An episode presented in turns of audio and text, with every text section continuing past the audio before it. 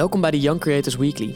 Ik ben jullie host, Max Laborie. En in deze podcast neem ik jullie wekelijks in sneltreinvaart mee in de belangrijkste gebeurtenissen voor jonge makers en ondernemers. En ga ik in gesprek met een jonge maker uit de community. Vandaag zit de 26-jarige Koen van Hees tegenover mij. Hij is co-founder van Story of Amps, een e-commerce agency die in 2017 uit de grond is gestampt en inmiddels een zevencijferige omzet draait. Ik ben vooral benieuwd hoezo de bedrijfscultuur zo belangrijk is bij Story of Amps en hoe Koen inspeelt op het altijd veranderende landschap van e-commerce. Ik vraag het Koen in deze aflevering van de Young Creators Weekly.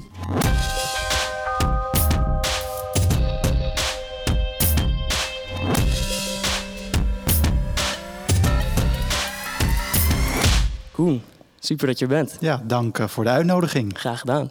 Hey, Story of Amps, of is het eigenlijk Story of Amps? Hoe, hoe spreek ik het uit?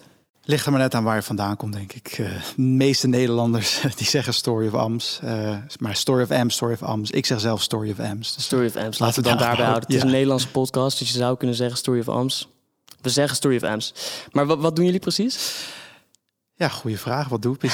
um, we zijn een uh, ja, een e-commerce agency en uh, ja, we redefinen the way we buy online. Dus we proberen nieuwe innovatieve manieren te bedenken hoe ja, klanten beter uh, hun spullen online kunnen verkopen.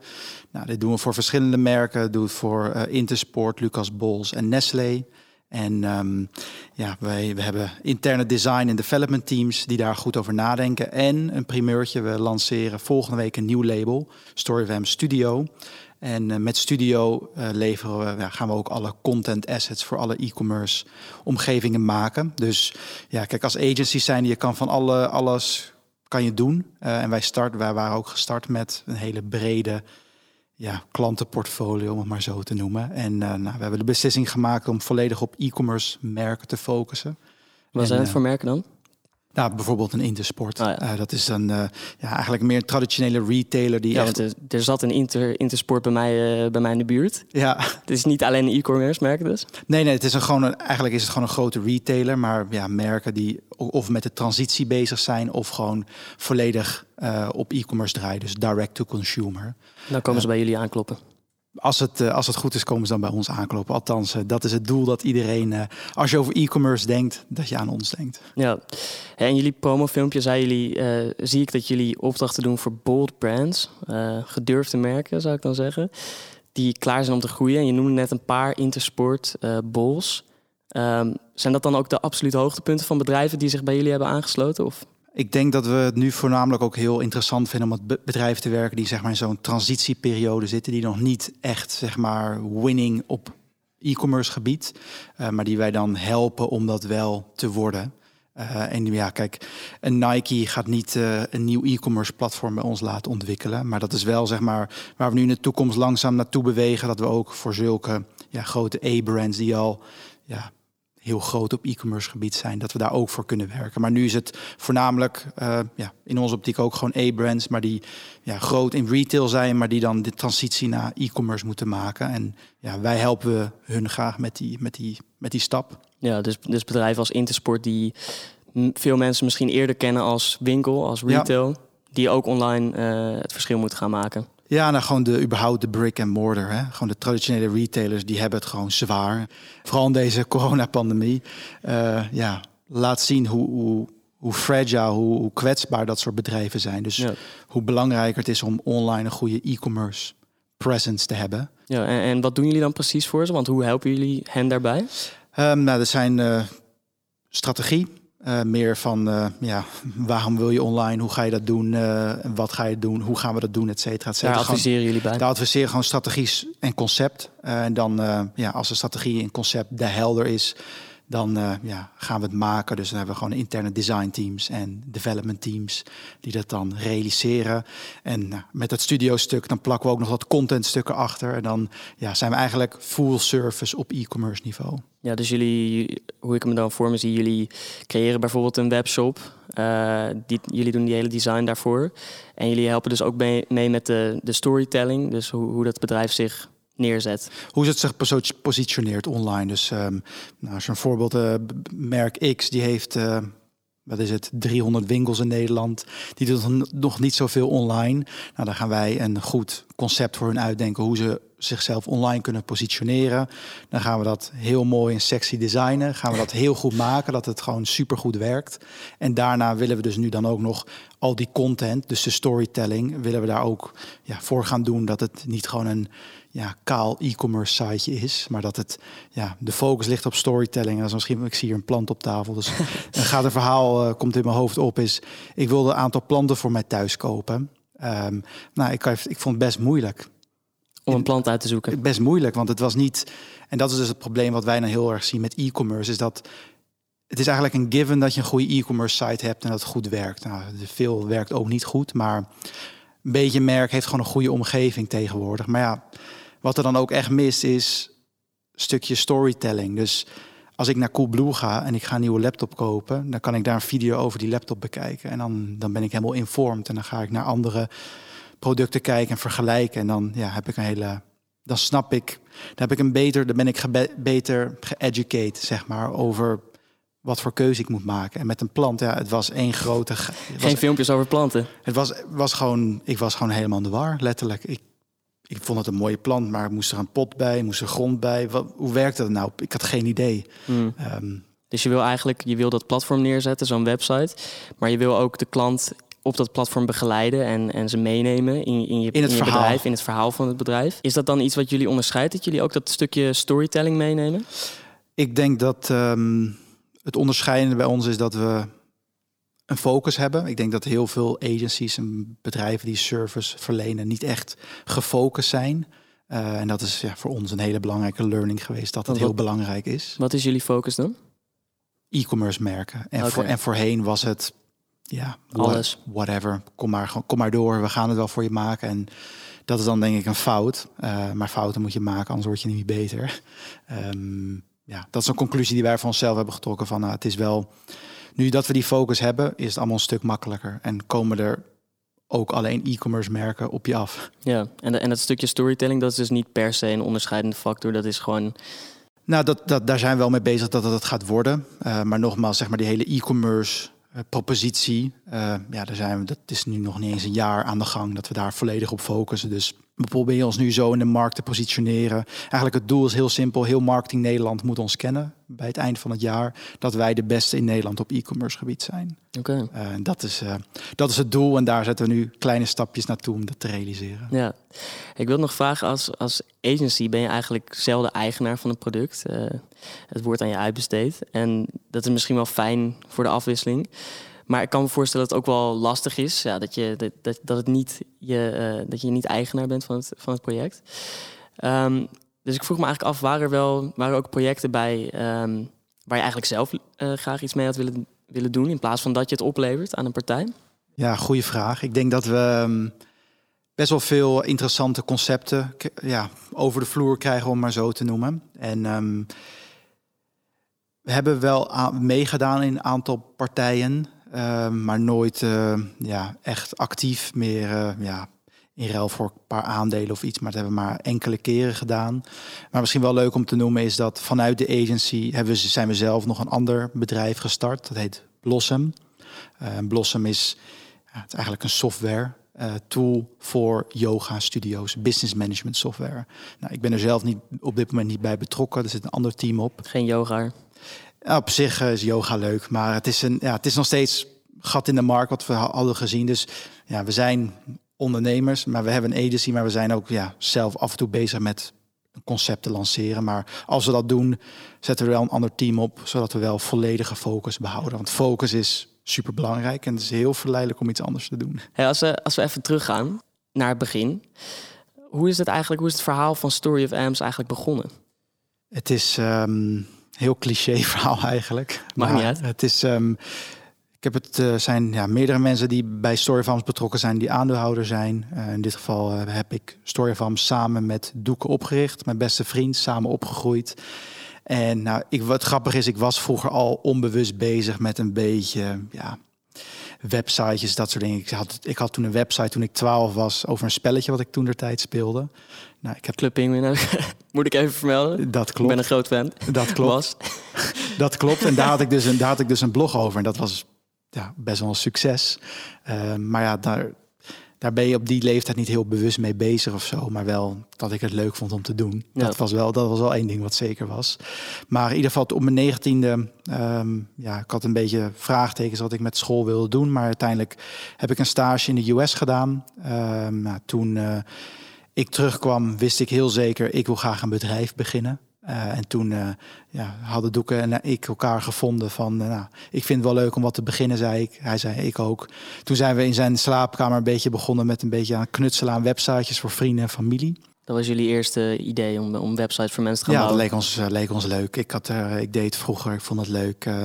Doeken programmeert al sinds hij heel jong is. En ja, waarom niet, weet je? En nou, dat, toen zijn we dat gewoon gaan doen. En dat ging beter en beter. En toen de tijd eh, met mijn studie kregen we de ja, mogelijkheid om een, eh, in een incubator te zitten. Ehm, ik heb overigens studie niet afgemaakt, maar eh, dat even terzijde. Dat terzijde. Dat Maakt terzijde.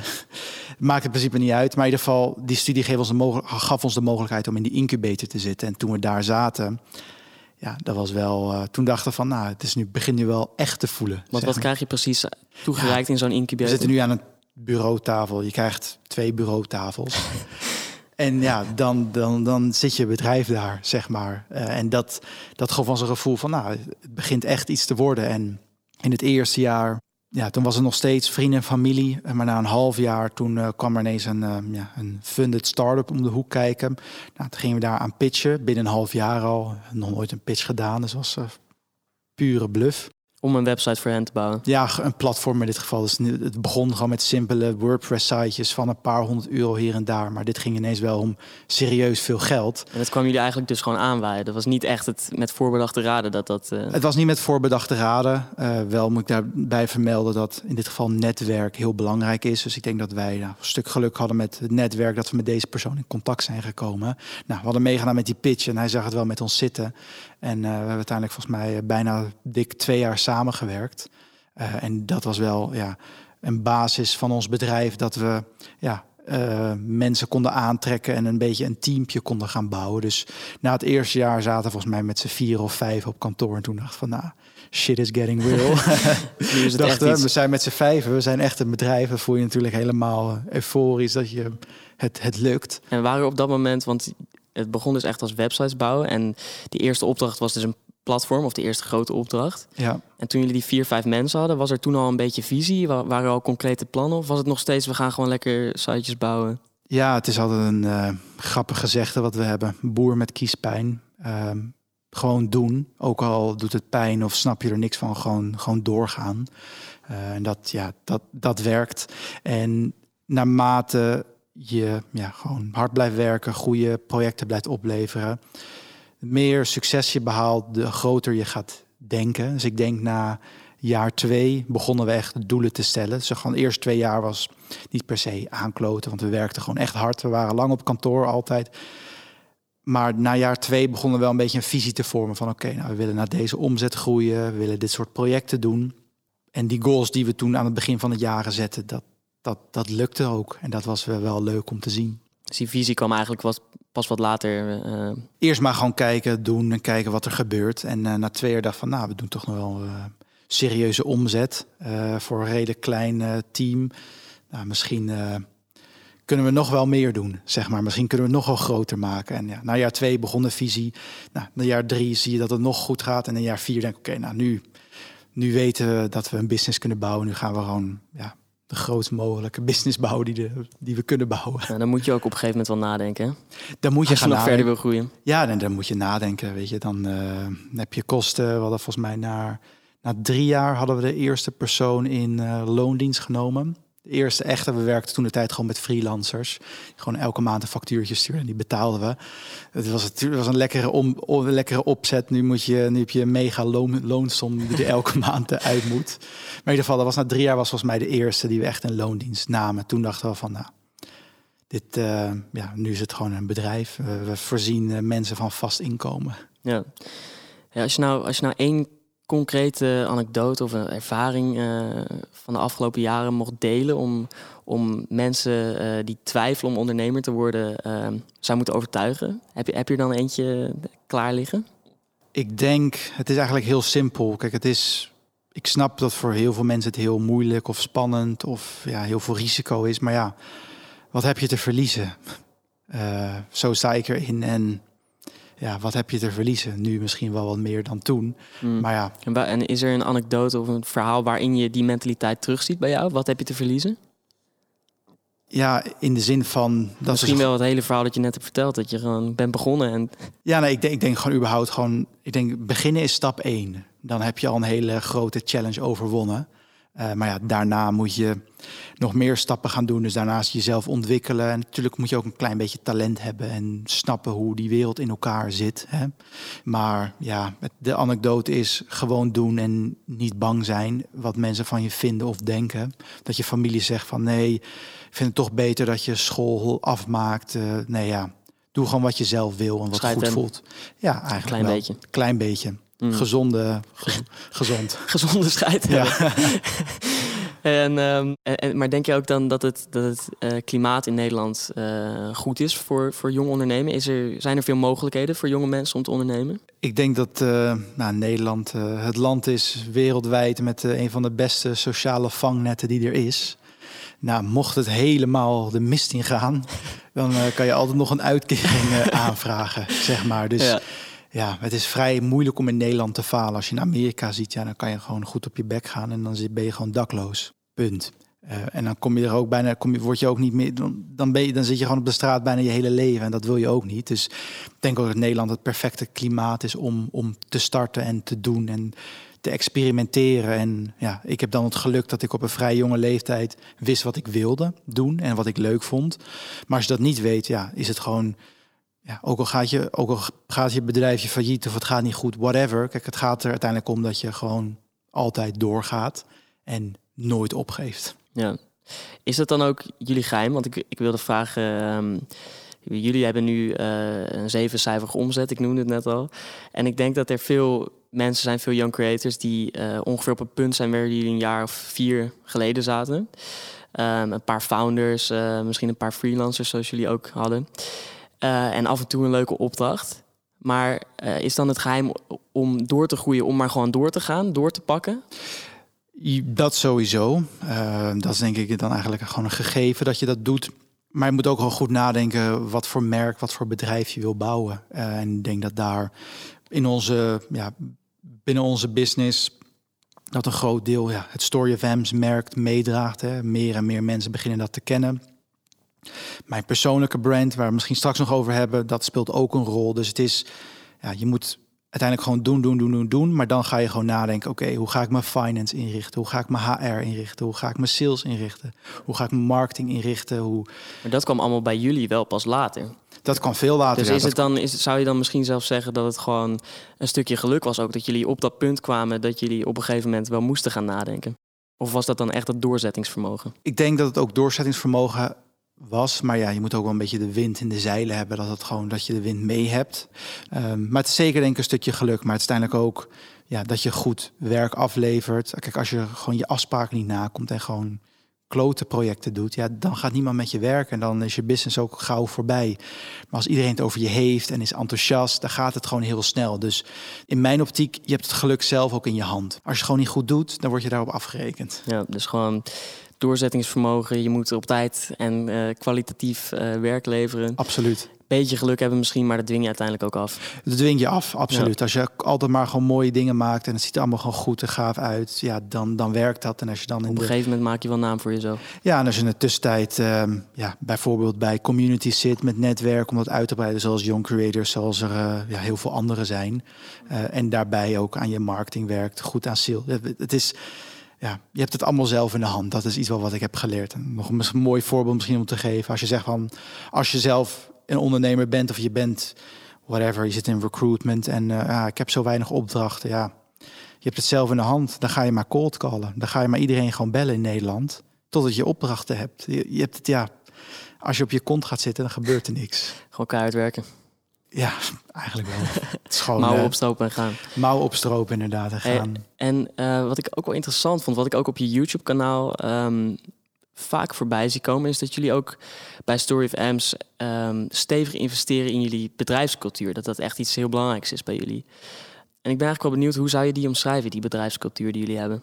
Ik denk dat de bedrijfscultuur te omschrijven is ehm, ja, jong, energiek. Ik denk wel dat we een goede combinatie hebben tussen jong talent en senioriteit. Daar moet gewoon een goede balans in zitten. Uh, dat je niet te veel jonge mensen hebt. Dus gewoon jonge talenten en uh, ja, seniors, om het maar zo te noemen. En nou, het is eigenlijk wel grappig. Waarom focussen, waarom vinden we bedrijfscultuur belangrijk? Nou, ik heb dus die stage in Amerika gedaan en daar hadden ze zo'n value die op de, op de muur geschreven stond. Integrity. Ik vroeg me altijd af, wat betekent dat nou? Ik zag dat nergens terug op de werkvloer. Ik zag het niet echt ergens terug. Er was geen integriteit daar? Nee, nee, nee. Ik dacht, nou, wat betekent dat nou? En toen we startten met het bedrijf heb ik wel best wel snel ingelezen op bedrijfscultuur. Uh, en toen zag ik, ja, it can make or break your company eigenlijk. Dus vandaar dat ik dacht van, nou, het is eigenlijk wel goed dat we daarop in gaan zetten en dat we daarop gaan focussen. En uiteindelijk uh, hebben we die verantwoordelijkheid bij iemand binnen het bedrijf gelegd. En die is over gaan nadenken. En ja, uiteindelijk is daar een cultuur uit ontstaan.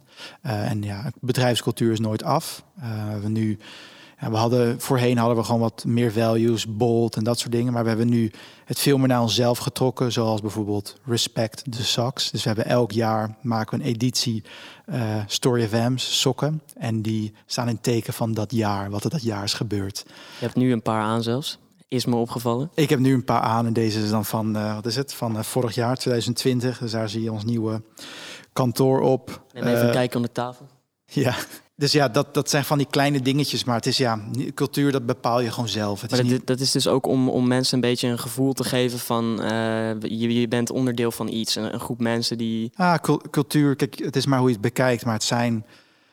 Misschien is cult niet het juiste woord, maar ik gebruik het toch. Um, ja, een cult is iets waar je graag bij wil horen. En een Apple of een Google, ja, dat zijn ook cult. Weet je, die zijn zo engaged met het merk en wat ze doen. En ja, zoiets dat willen wij ook graag creëren voor onze mensen. Dat het leuk is om naar werk te gaan. Dat je er graag bij wil horen. Dat je zo lang mogelijk wil werken, want dan heb je al die sokken. Uh, en het is ook iets wat ik zelf heel leuk vind. Dus het ja. is, kijk, de cultuur is, is gewoon de weerspiegeling van de founders. Ja. Dat is je cultuur. Als je rare founders hebt, heb je ook een rare cultuur. En als je founders hebt die van sokken houden, dan heb je, heb je sokken in je cultuur. Ja, dat, uh, dat kan. Of als iemand van spijkerbroeken houdt, dan heeft iedereen een custom spijkerbroek. Wat ik ook in, in, in, je filmpjes zag op YouTube, is uh, dat je ook dus flink bezig bent met je persoonlijke merk. Ja. Um, want het, dat, dat doe je op je eigen YouTube-kanaal. Is dat dan puur een soort business idee? Of, of doe je dat vooral voor de lol of om mensen wijze lessen mee te geven? ben met mijn YouTube begonnen omdat ik het cool vind om, die, um, ja, om de journey te documenteren. Dus we zijn nu al van drie jaar geleden filmpjes. Volgens mij drieënhalf zelfs. nou moet je voorstellen als over tien jaar... Ja, er uh, meer dan duizend mensen bij Storyrams werken. Hebben we een filmpje dat we nog met z'n vieren zaten te kloten in een incubator. Zo'n mooi historisch kiekje. Ja, dat, dat vind ik heel krachtig. Dat, dan, dan bouw je gewoon een, kan je een sterk merk mee bouwen. Dat het, ja, maar dat is dan meer vanuit de business gezien. Maar voor persoonlijk vind ik het gewoon mooi om die journey te documenteren. Uh, en mensen daar, uh, ja. En ik hoop dat ik mensen daar waarde uit kan geven. Om te laten zien van dat het mogelijk is om een business te bouwen op jonge leeftijd. En dat je ziet hoe dat gaat. Uh, en dan vertel ik gewoon mijn ervaring hoe dat is. Ja, ja. En het is, het is gewoon long term. Ik hoef niet een miljoen subscribers. En ook al kijken er 50 mensen, maakt mij niet uit. Ik vind het gewoon, ja leuk om te doen, om, de, om het verhaal te vertellen. Ja, je wil dat mensen er waarde uithalen en je geeft ze ook letterlijk lessen mee in veel filmpjes. Dus ik denk dat dat, dat, dat zeker lukt. Ja, het is, het is een combinatie denk ik, van documenteren en ja, gewoon value leveren met mijn visie op dingen. Aan zich gewoon hoe ik e-commerce zie of hoe dingen bij, binnen het bedrijf gaan. Het is vrij breed, maar ja, hoe het omvat zijn gewoon entrepreneur vlogs. Ja. En je zegt, je zegt net al hoe jij e-commerce ziet. Ik ben eigenlijk inderdaad ook wel benieuwd naar ja, wat, wat voor ontwikkelingen jij ziet in de, in de sector waar jullie actief zijn. Ja. Uh, dus dus wat, wat zie jij op dit moment uh, bijvoorbeeld in, de, in, het, in het digitale landschap allemaal gebeuren? Ja, ik denk dat er twee dingen zijn die ik uh, zelf heel interessant vind. Is überhaupt um, ja, zeg maar de e-commerce platform en de kont. Kijk, zijn zeg maar vaak het zeg maar customer journey, hoe iemand uiteindelijk iets online koopt. Um, en uh, ja, ik wil shampoo kopen, whatever. Ik typ shampoo op Google in, ik vind niks. Oké, uh, ik krijg een, uh, een ad op mijn Instagram en vanuit daar ga ik dan weer naar een website en ga ik iets kopen. Maar ik denk zelf dat zeg maar ja, de, de content en de e-commerce platformen die worden gewoon met elkaar verweven. dus dat houdt in voorbeeld van ehm, ja, social commerce. dat je vanuit uh, je TikTok-app uh, makkelijk iets online kan kopen. Volgens mij in, uh, in China zijn ze ja, hard aan de weg aan het timmeren. En voornamelijk op social gebied. Dat, dat, loopt gewoon zo erg voor, vind ik nu. Dus dat, dat, dat, zie je nu gebeuren, dat die platforms bezig zijn met zich koppelen aan die e-commerce. het, het, integreert gewoon allemaal. Dus het wordt gewoon één integraal groot. ja, het, wordt, het wordt allemaal met elkaar verweven. Dus als je. Ja, ik denk zelf als je in de toekomst uh, boodschappen gaat doen, en dan kan je dat uh, wellicht wel gewoon via Instagram doen of uh, via een ander platform wat dan relevant is. Dus het, het, het, het, komt, die werelden komen gewoon telkens meer en meer dicht bij elkaar. Uh, dan heb je natuurlijk social commerce, wat een trend is. dan heb je live commerce, wat dan recent was dat Walmart en TikTok zo'n experiment deden. Nou, dat vinden wij heel interessant, hoe wij dan... Ja, want hoe spelen jullie daarop in? Nou, wij kijken met merken van um, ja, hoe zeg maar die, die, die koppelingen gewoon op een hele efficiënte manier te realiseren zijn. Uh, we zijn nu bijvoorbeeld met een uh, ja, ik zal mag de naam niet noemen, maar met een grote fastfoodketen bezig. Uh, hoe zeg maar gewoon interactieve content gekoppeld is aan een, uh, aan een Uber Eats bestelling. Dus jij ziet gewoon een interactieve ad um, van een, uh, nou in dit geval van een fastfoodmerk. En dan, ja, dan raak je daar engaged met die content. Het is gewoon interactiecontent, dat werkt gewoon goed, dat converteert goed. En dan op basis daarvan kan je direct vanuit die ad die je ziet, kan je iets bestellen bij Uber Eats. Ja, dus, dus jullie zien die ontwikkeling en jullie gaan daar dus gelijk mee aan de slag, bijvoorbeeld met dit fastfood uh, bedrijf. Ja, nee, ja, we vinden het belangrijk om gewoon on top of the trends te zijn en daar ja, op te anticiperen. Uh, maar dat zijn maak, ja, vaak de sexy projecten, zeg maar. Maar zijn ook natuurlijk gewoon plane e-commerce platformen. websites, platforms. Die je gewoon moet bouwen. Maar dat is in ieder geval één, één ding wat, um, ja, wat we zien. En daarnaast is het gewoon goed om um, ja, al die marketplaces in de gaten te houden. Uh, dat je e-commerce omgeving ook gewoon goed daarmee gekoppeld zijn. En wat voor marketplaces zijn dat? Amazon, bol.com. Uh, ik denk dat Amazon is nu een grote slag aan het maken in Nederland. Nou, het is gewoon goed om daar te kijken. Want uh, ja, ik geloof de e-commerce platformen die zullen altijd blijven bestaan. Uh, maar ja, je moet wel aanwezig zijn op alle relevante kanalen waar je doelgroep zit. Dus als je, weet ik het, kaarsen verkoopt, hele mooie gave kaarsen, volgens mij Rituals verkoopt mooie kaarsen. Nou, dan is een e-commerce moet gewoon top-notch zijn. Maar ja, ze moeten dan misschien ook op uh, de Amazons en de bol.com zitten. Ik weet niet of ze dat zitten, maar even als voorbeeld. Maar uiteindelijk, ja, dat je uiteindelijk ook op... Um, alle social kanalen. Dus nu is het TikTok. TikToks over je, over je kaarsjes. Ja, bijvoorbeeld. Ja, nu is het TikTok. Uh, ik verwacht dat er uh, elk jaar is er wel iets nieuws. Wel, om de paar jaar is er wel weer een nieuw platform waar je Tien op jaar geleden zitten. was het Hives. Daarna was het Facebook. Wat hebben we gehad? Vine. Ja, het, het Instagram, gaat, TikTok. Het, het, gaat zo hard en er komt zoveel nieuws. Het is, en dat uh, maakt jullie ook wel altijd relevant, lijkt me. Ja, klopt. Want gewoon überhaupt gewoon de, de, de commerce, hè, gewoon ons digital commerce, dat is, blijft een hot topic. En ja, hoe verkoop je gewoon je producten online op een goede manier? En ja, los van dat wij gewoon die goede omgevingen realiseren, gaan we ook gewoon een stapje verder. Hoe, ja, waar precies die aandacht zit van, de, van, de, van je doelgroep. Zien jullie ook dan vanwege COVID dat er, dat er meer uh, neiging is naar online verkopen en kopen? Ik, ik las ergens dat er 67% meer online aankopen waren gedaan in 2020. Merken jullie dat ook? Ja, e-commerce zit echt in een uh, hyper-acceleratie op het moment. Uh, dat houdt, ja, ik denk volgens mij van Shopify, ze hebben, zijn verdubbeld in shops wereldwijd.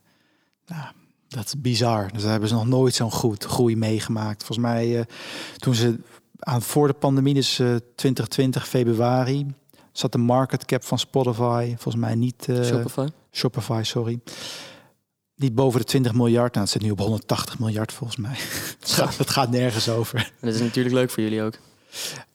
Ja, Meer dus, opdrachten. Ja, de e-commerce is booming. Ja. Dat is sowieso een gegeven. Maar uh, ja, we zijn ook wel kieskeurig hoor met wie we werken en met wie we niet werken. Um, maar het is een uh, goede industrie om in te zitten. Dat ja. is uh, één ding wat zeker is. Mooi zo, genoeg werk voor jou nog de komende tijd. Als het goed is wel, ja. Als het goed is wel. en nog even terug naar die filmpjes van je. Uh, ik noemde net al dat jullie daar, of dat jij daar wat wijze lessen deelt.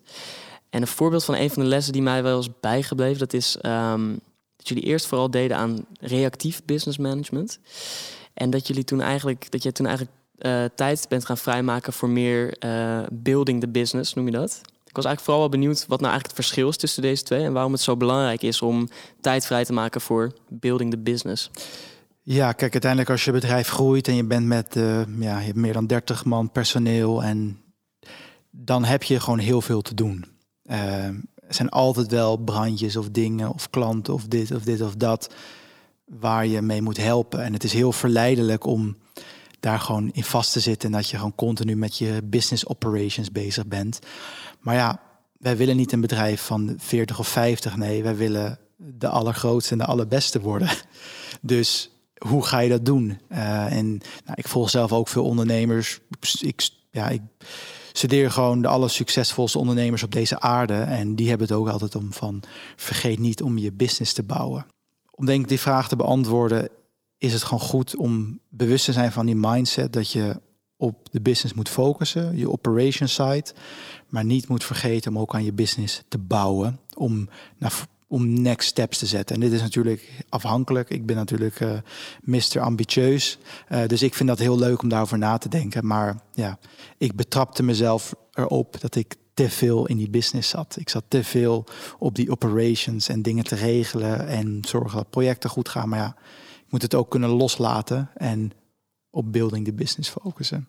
En als, als je het dan hebt over building the business, dan, dan ga je praten over doelen. En ik hoorde je net al zeggen, um, de beste en grootste agency ter wereld worden. Dat was in april 2019 ook jullie doel, uh, heb ik in een filmpje uh, gehoord. En ik zag ook een interview in september 2020. Toen had je het al iets aangescherpt. Toen zei je, we willen voet op elke continent hebben. En nu zeg je weer, we willen de grootste en de beste zijn. Dat dus ik ben eigenlijk benieuwd, wat, wat, wat, is nou eigenlijk het doel op dit moment? Nou, dat is uh, denk ik gewoon een abstracte kreet. om het zo maar te noemen. Um, maar meer concreet denk ik, um, ja, wij, willen, wij willen over um, drie jaar gewoon leidend op e-commerce gebied zijn uh, in Europa en Amerika. En ja, hoe ze dat vertaalt, is dat we, ja, dat zeggen, pak een beet. Als je aan mij zou vragen waar we ook over vijf jaar staan, dan zijn we met 200 man plus en zijn wij, hebben wij een grote presence in Amerika en Europa en zijn we bezig om Azië op te zetten. En dan zijn we leidend op e-commerce gebied. Nou, dat zijn zeer concrete doelen. Dat is heel concreet, ja. En dat is gewoon uitgestippeld wat we per jaar willen doen. Dus vorig jaar was iets rustiger, uh, maar dit jaar gaan we ons team wel zeker verdubbelen. En dan uh, ja, gaan we kijken, nou, althans de plannen, elk, alle stapjes liggen klaar. Maar in ieder geval voor vijf jaar zijn we 200 man plus. Spannend. En met een grote presence in de US. En ja, want in, in Amerika hebben jullie, zijn jullie al bezig met iets opzetten, las ik, of, of ook niet? Dat klopt, we waren daarmee bezig. Alleen uh, ja, door COVID uh, zijn die plannen een beetje in de ijskast geschoven. En we leerden ook van dat die focus heel belangrijk is. Want we willen graag naar de US en daar gaat het zoveel harder dan in Nederland of Europa. Daar een miljoen dollars daar pocket money, dat is niks. En ja, daar praat je toch wel over andere, zeg maar de bakker om de hoek, die geeft daar 50.000 dollar uit. En in Nederland is het al best veel geld voor bedrijven.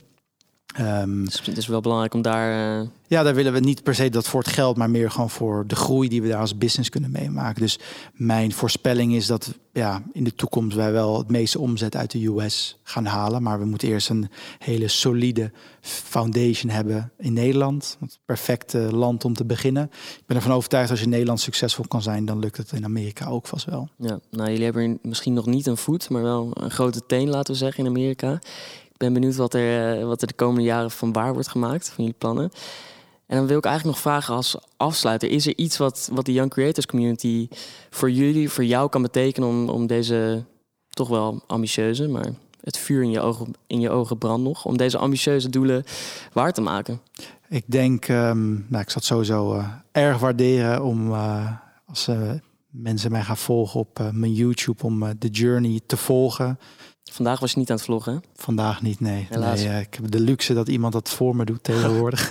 Oké, dus ze moeten je volgen? Ja, op uh, Koen van Hees. Als je dat op YouTube uh, intypt, dan vind je het wel. En, um, ja, en als je zelf vragen hebt over ondernemerschap of iets, kan je die gewoon vragen in de comments op, op mijn YouTube kanaal. Uh, en daar staat ook mijn e-mailadres en alle gegevens. Dus ja, ik vind het, uh, ik help ook veel andere jonge ondernemers om me heen, gewoon met vragen of dingetjes. Dus uh, schroom je niet om ja, wat tijd van me te vragen, want ik help je graag. Alright, mooi. Ik ga ervoor zorgen dat ze jou kunnen vinden. Koen, hartelijk dank dat je er was. Ik vond het erg leuk. Ja, ook bedankt. En dan het nieuws. Nieuwsbrieven Software Review is vandaag overgenomen door Twitter.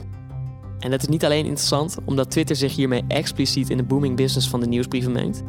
Maar Revue is ook nog eens opgericht door Martijn de Kuiper, een graag geziene spreker bij Young Creators. In deze rumoerige tijden zijn succesverhalen altijd prettig. We waren dus meer dan verheugd om te lezen dat 3D-hubs voor een dikke 330 miljoen is verkocht aan hun Amerikaanse concurrent Protolabs. Ongelooflijk maar waar. In 2020 zijn er 16% minder bedrijven failliet gegaan dan normaal. Dat maakte het CBS afgelopen week bekend. Ze geven wel gelijk de kanttekening dat deze bizarre cijfers, de laagste in 20 jaar, niet los te zien zijn van de noodsteun van de overheid. Wij houden in ieder geval ons hart vast voor de maanden die zullen komen nadat de steun is gestopt. Helaas hebben we nog geen zicht op een fysieke TNW-conference, maar de T500 komt er wel weer aan. Plek op de T500 opent deuren bij praktisch alle bedrijven in Nederland en daarnaast levert een plekje op de lijstje toegang tot alle online conferenties van de Next Web, inclusief exclusieve gesprekken met experts en business leaders voor de T500. Dat was het alweer voor deze aflevering van de Young Creators Weekly. Ik ben ontzettend benieuwd of het vuur in Koens ogen over vijf jaar nog steeds brandt. En of hij tegen die tijd ook de grote teen van zijn andere voet op Noord-Amerika heeft gevestigd. Maar dat komt vast goed. In elk geval bedankt voor het luisteren. En ik zie jullie graag volgende week voor een nieuwe aflevering van de Young Creators Weekly.